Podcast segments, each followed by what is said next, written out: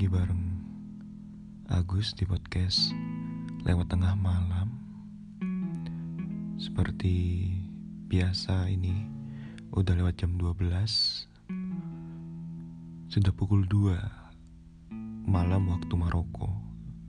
Entah dua malam atau dua pagi nyebutnya ya.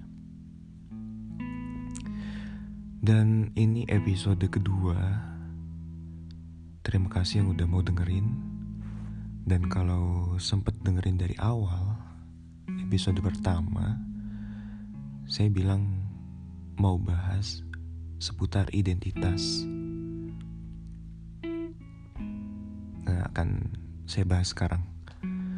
Jadi, mengapa ada orang yang menyembunyikan identitasnya? Saya bahas ini karena selain sering kepikiran sebelum tidur persoalan identitas ini juga berkaca dengan kasus yang saya alami karena saya ini tergolong orang yang senang menyembunyikan identitas asli. Terutama tahun kelahiran umur usia itu yang paling sering saya sembunyikan. Dan ini sempat saya singgung di episode pertama juga ya. Saya kelahiran tahun 1996 dan itu masih tergolong cukup muda ya. Mungkin masuk antara generasi milenial atau generasi Z. Pokoknya generasi muda dan sangat belia. Di sini saya jarang mengungkap umur asli saya. Kadang saya tambah-tambahkan, saya lebih-lebihkan biar kelihatan tua. Mungkin banyak orang juga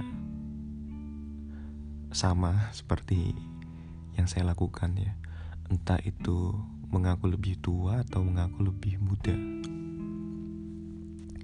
Dan di episode pertama saya uh, sempat membahas beberapa alasannya, terutama karena uh, banyak teman saya yang lebih senior, lebih tua dari saya. Jadi uh, untuk mengimbang itu ya saya berusaha untuk sepantaran dengan mereka ya. Tapi lebih dari itu sebenarnya saya tidak mengungkapkan usia asli dan cenderung berbohong, melebih-lebihkan usia, menua-nuakan diri. Itu karena saya ingin mendapat space, mendapat ruang di dalam obrolan teman-teman saya yang lebih tua, saya ingin mendapat ruang untuk berbicara bersama mereka, mendapat ruang untuk ikut didengarkan juga, dapat ruang untuk bisa mendengarkan mereka bercerita. Karena yang saya alami, saya amati, saya rasakan di sekitar saya juga orang-orang cenderung lebih terbuka, lebih bebas, lebih ceplas-ceplos, lebih menjadi dirinya sendiri ketika mengobrol dengan teman yang sepantaran dibanding yang lebih tua atau yang lebih muda. Ketika lawan bicaranya lebih muda atau lebih tua, itu cenderung menutup-nutupi atau membatasi dirinya untuk oh, ya berbicara apa adanya. Dan itu sering kali saya alami. Sampai akhirnya saya ah, berkesimpulan kalau sebaiknya menyembunyikan umur saya di hadapan mereka. Dan ini saya akui tidak baik karena seharusnya saya mengaku saja umur saya berapa, saya lahir tahun berapa, Karena semestinya berapapun umur saya, berapapun usia saya dan tahun berapa saya dilahirkan itu saya tetap berhak untuk didengarkan atau mendengarkan. Tapi kenyataannya nggak seperti itu sih. Yang saya alami, ya, saya sering uh, berkenalan dengan orang terus menjadi teman yang ternyata lebih tua dari saya. Mungkin gap antara 3-4 tahun. Ketika teman saya ini belum tahu kalau saya lebih muda, itu obrolan kami nyambung, bebas, luas, ceplas-ceplos. Tapi kemudian setelah dia mengenali saya yang usia jauh lebih muda, dia mengetahui umur saya akhirnya saya merasa ada sekat di situ dan dia mulai berubah membatasi obrolannya. Tidak seperti biasa. Minimal ketika eh, teman yang awalnya mengira kita seangkatan kemudian tahu kalau saya lebih muda itu akan jadi momen yang sedikit canggung. Nggak sampai canggung sih tapi menuju canggung. Kenapa? Karena yang paling ini deh yang paling kecil ya yang awalnya memanggil nama masing-masing kemudian jadi saya jadi berpikir apakah harus menambahkan embel-embel mas atau mbak. Dan itu kerap saya alami gitu ya. Saya ini manggil dia langsung nama aja. Karena kita berteman dekat ataukah saya memanggilnya dengan penghormatan gitu. Jujur saya masih bertanya-tanya sampai sekarang ya tentang masalah ini. Itu mungkin salah satu alasannya untuk uh, mendapat space mendapat ruang untuk didengarkan.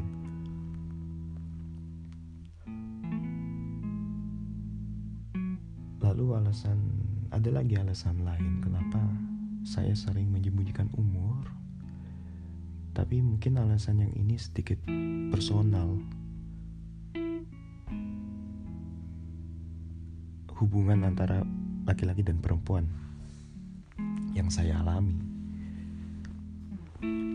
Jadi saya ini entah mengapa cenderung lebih tertarik dan terpikat sampai kemudian jatuh cinta kepada perempuan-perempuan yang lebih tua dari saya.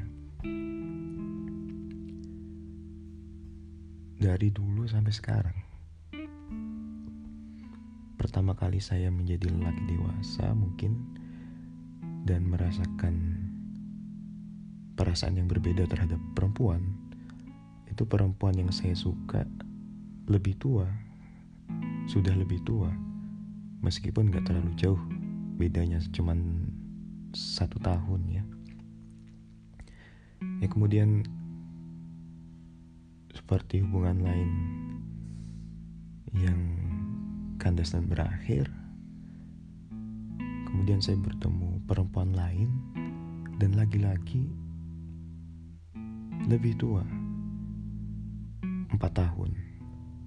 Ini mulai gapnya agak jauh. Begitu terus ketemu perempuan gap umurnya tiga tahun.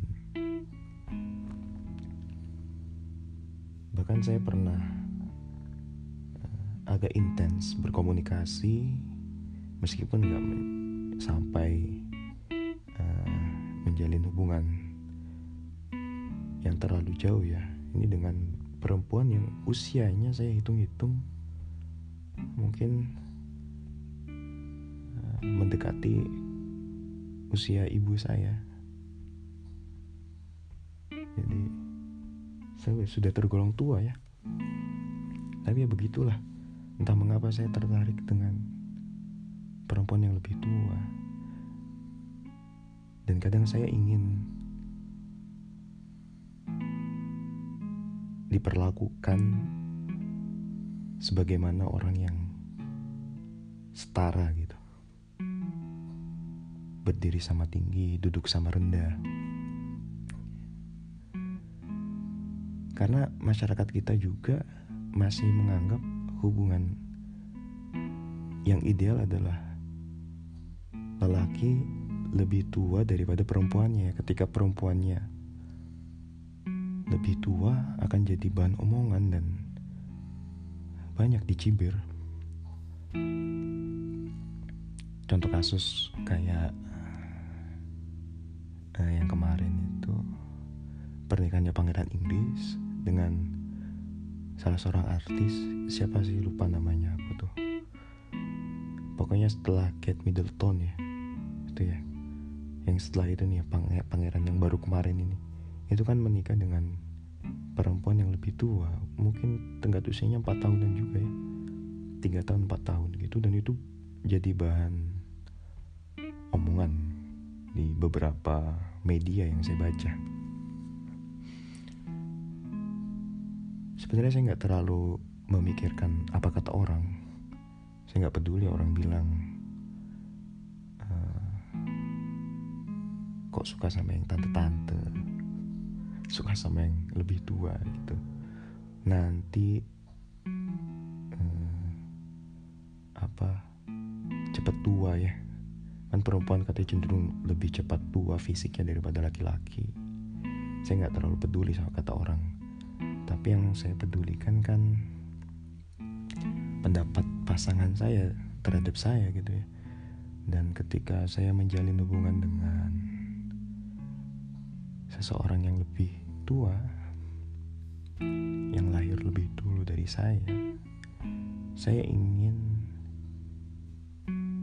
perempuan itu menganggap saya seperti teman sepantaran tidak menganggap saya adik.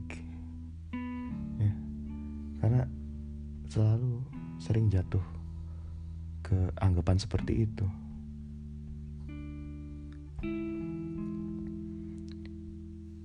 dan pernah saya di, ketika uh, menjalin uh, hubungan dengan seorang perempuan awalnya mungkin dia mengira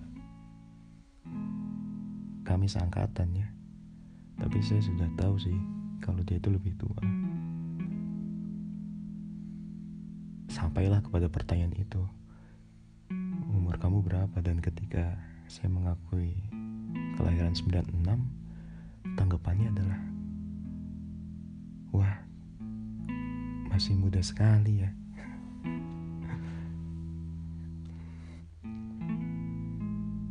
Tanggapan seperti itu ketika saya dengar dari perempuan yang saya suka atau saya tertarik itu kan jadi ungkapan yang menyedihkan buat saya.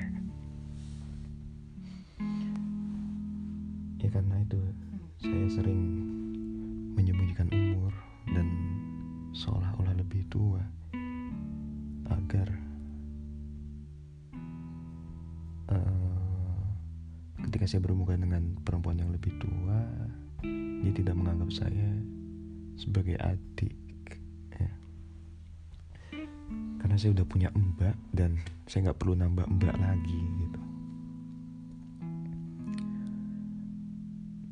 Nah hal-hal seperti ini saya rasakan menjadi gap sekali ya batasan umur ini. Antara yang tua dan yang muda. Dan mungkin banyak lagi yang menyembunyikan identitas dengan alasan sama seperti yang saya alami.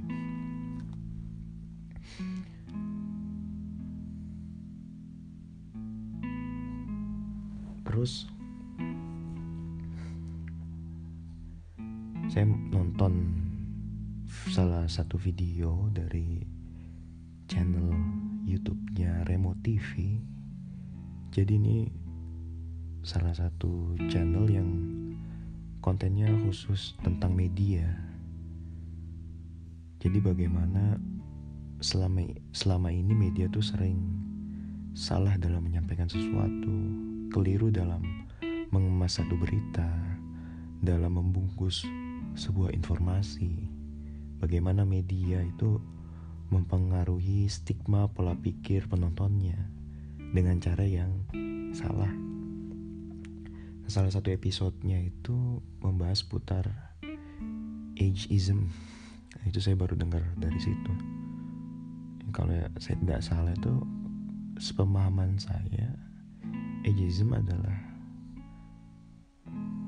apa ya perasaan superior mungkin uh, suatu generasi terhadap generasi lain yang akhirnya menghasilkan gap menghasilkan gap antar generasi yang generasi tua menganggap lebih baik dari yang muda yang muda juga menganggap lebih banyak tahu hal-hal modern daripada yang tua contoh di media dalam acara talk show ketika narasumbernya adalah orang di usia belia ya ABG lah.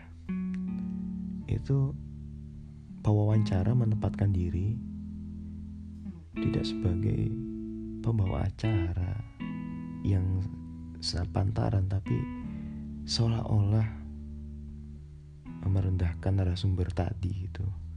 Dengan misalnya menekan panggilan D D gitu terus meremehkan beberapa yang disampaikan oleh narasumber. Jadi yang nonton itu seakan-akan melihat orang tua eh, sedang menuturkan anaknya sedang menasehati anaknya. Sedangkan yang ingin kita lihat kan dialog antara narasumber dan pewawancara.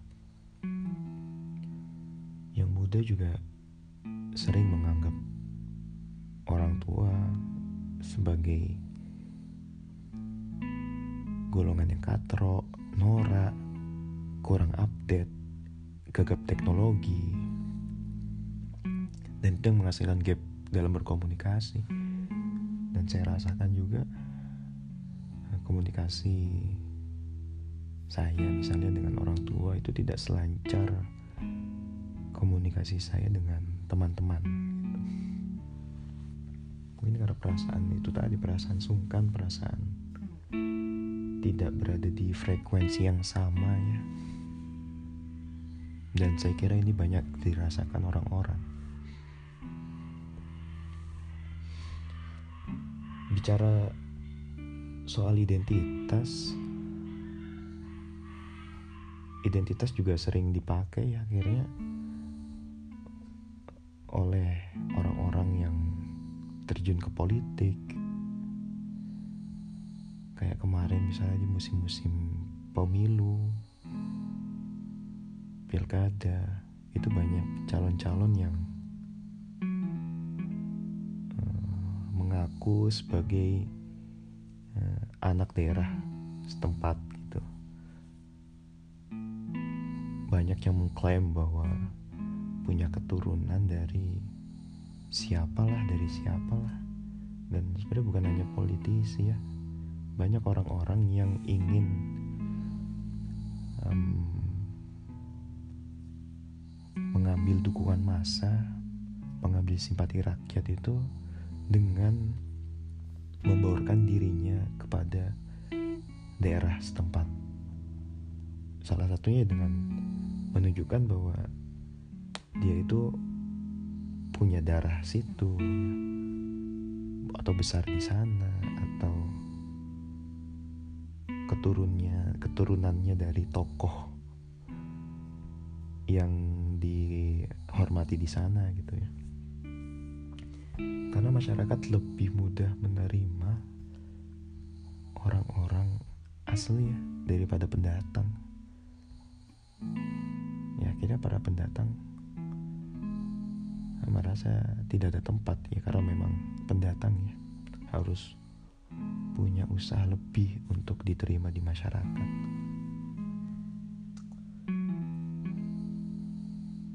Saya juga kadang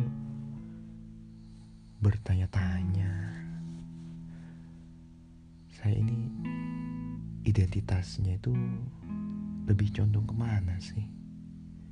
Ini kalau berbicara seputar suku ya suku bangsa. Saya ini lahir di Jakarta. Tapi saya tidak terlalu mengetahui dan mendalami adat budaya tradisi orang Betawi karena ayah saya dan ibu itu berasal dari Jawa Timur. Ayah dari Malang dan ibu dari Lamongan. Lagi-lagi saya sebagai anak dari orang tua keturunan Jawa Timur itu tidak terlalu memahami tradisi dan budaya orang Jawa Timur ya. Saya bisa bahasa Jawa, bisa mengerti orang bercakap-cakap dalam bahasa Jawa tapi belum sampai tingkatan yang oh, sangat fasih gitu ya mengerti hanya sedikit dari beberapa tradisi yang dijalankan oleh masyarakat Jawa. Jadi ketika ditanya saya orang mana? Saya tuh suka bingung menentukan antara Jakarta kah atau mengikut orang tua saya Jawa Timur. Akhirnya ya kembali lagi saya uh, menyamakan dengan lawan bicara ketika lawan bicaranya dari daerah Jawa Barat Jakarta Banten saya uh, mengaku sebagai orang Jakarta atau orang Tangerang ketika lawan bicaranya dari Jawa Timur, Jawa Tengah, saya mengaku dari Malang atau dari Lamongan. Dan itu juga membingungkan kan Jawa. Ketika kita bilang Jawa, maka yang terlintas itu ya Jawa Timur, Jawa Tengah. Seolah-olah Jawa Barat itu bukan bagian dari Jawa ya. Masyarakat Sunda gitu seperti berdiri sendiri. Ini stigma ya, bukan apa, bukan fakta ini. Stigmanya kan seperti itu ya. Padahal tinggal di pulau yang sama Pulau Jawa. Tapi ketika bilangnya Jawa, bahasa Jawa ya. Bahasa yang dipakai di Jawa Timur, Jawa Barat, Jawa Tengah, dan sebagian Jawa Barat.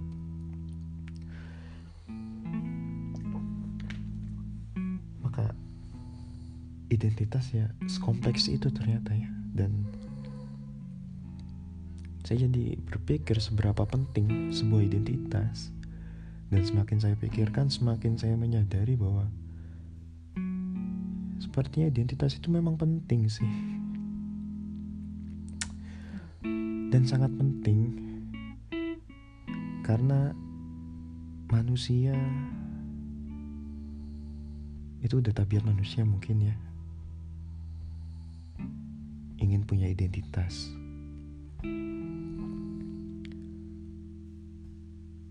Dan mengapa manusia punya identitas? Kira-kira karena tanpa identitas seseorang tidak akan diakui sedangkan manusia untuk membuktikan eksistensinya untuk membuktikan bahwa manusia itu hidup, manusia itu nyata, manusia itu ada.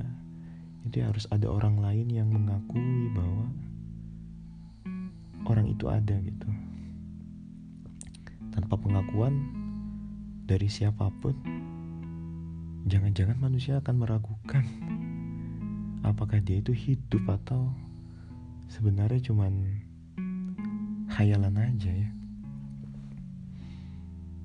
Nah pengakuan itu ya butuh identitas Maka orang tanpa identitas Bisa dibilang orang tanpa pengakuan dan Manusia akan memberontak ya gara-gara itu Akan berusaha mendapatkan identitasnya.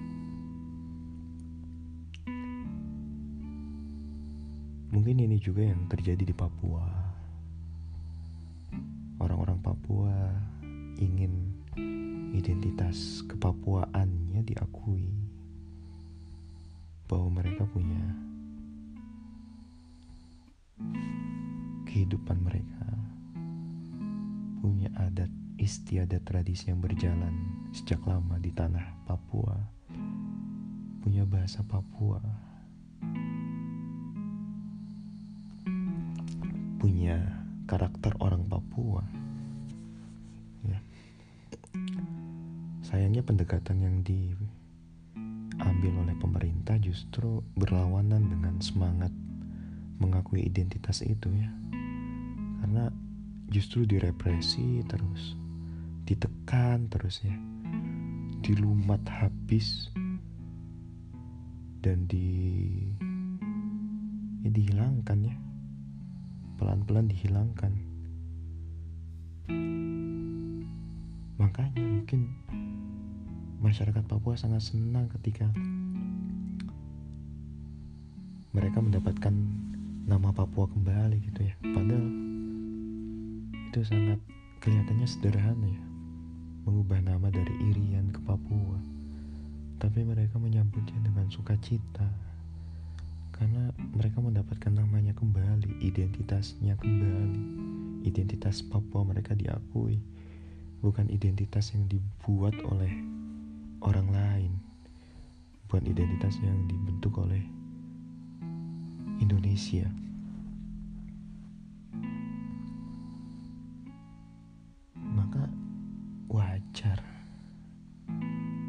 Sebagian orang Papua atau mungkin mayoritas masyarakat di Papua yang tertindas, yang merasa identitasnya diambil, itu menganggap bangsa Indonesia ini ya sebagai penjajah. Sama juga kita dulu menganggap Belanda, Jepang, bangsa-bangsa yang menduduki wilayah kita dan memaksa menerapkan budaya di negara mereka itu sebagai penjajah. Kemarin saya habis baca bukunya Felix. Tapi bukan Felix Xiao ya. Bukan buku udah putusin aja.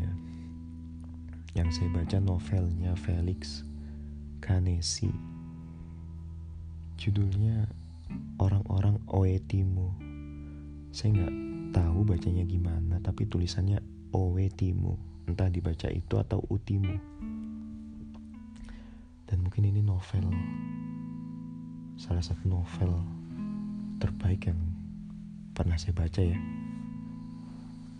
Sedangkan daftar bacaan saya pun tidak begitu banyak. Tapi saya, saya sangat menyukai dan uh, menikmati pengalaman membaca novelnya Felix.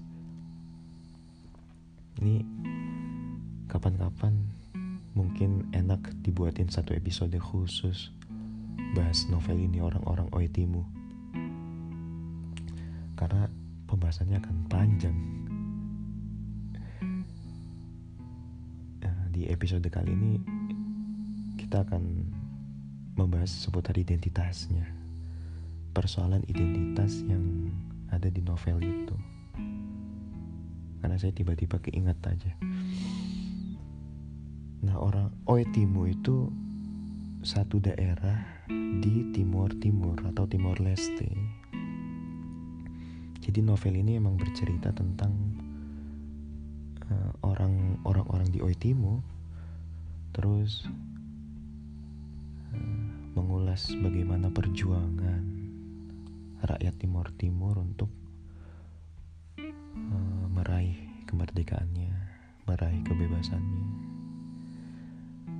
dan bagaimana kekuasaan di sana silih berganti, bagaimana masa transisi tiap kekuasaan dari Portugis ke Belanda ke Jepang sampai direbut oleh Indonesia kemudian merdeka terus juga diceritakan intrik-intrik uh, antara masyarakat Timur Timur sendiri ya. Dan perpecahan partai di Timur Timur dalam salah satu bagiannya uh, ada ketika Indonesia berhasil merebut wilayah Timur Timur dari Jepang tapi kemudian oleh salah satu tokoh dipertanyakan. Mengapa karena uh, orang-orang Indonesia yang datang ke sana akhirnya mengajari dan membuat ini membuat masyarakat setempat untuk belajar bahasa Indonesia memaksakan orang-orang untuk paham bahasa Indonesia. Si tokoh ini akhirnya bertanya-tanya, mengapa para pendatang ini memaksa penduduk asli, penduduk setempat untuk memahami bahasa mereka, tapi jarang atau malah tidak sama sekali para pendatang yang ingin belajar untuk memahami bagaimana penduduk setempat berbicara gitu. ya kan jadi nggak timbal balik ya uh, orang Indonesia yang notabene adalah pendatang uh, memaksa orang Timur untuk paham bahasa Indonesia sedangkan orang Timur pun punya bahasa setempat mereka dan pendatang ini tidak berusaha untuk memahami apa yang mereka bicarakan dengan bahasa ibu mereka.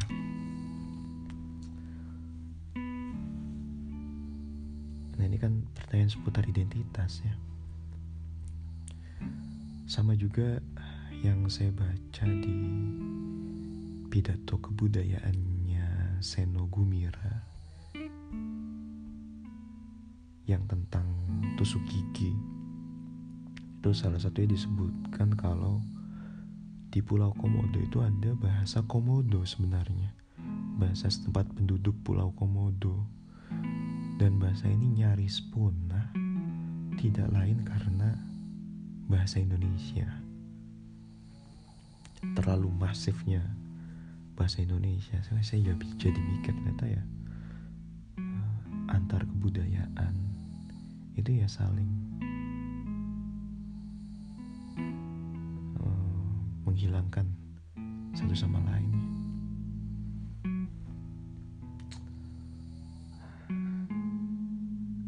Ini udah malam jadi pembahasannya ke mana-mana ya. Tapi itulah sebentar identitas dan pengakuan. Semoga ada yang bisa ini ya menikmati apa yang saya sampaikan. Ini saya rasa enaknya didengar sih jam-jam tengah malam ya, sesuai nama podcast ini. Karena uh, karena apa ya?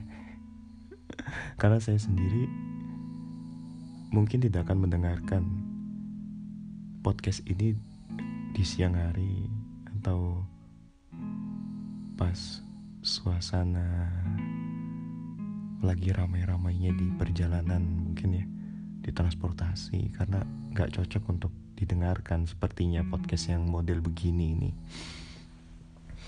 Jadi gitu ya episode kedua identitas dan pengakuan. Sampai jumpa lagi di episode berikutnya. Tetap di lewat tengah malam. Terima kasih. Dadah.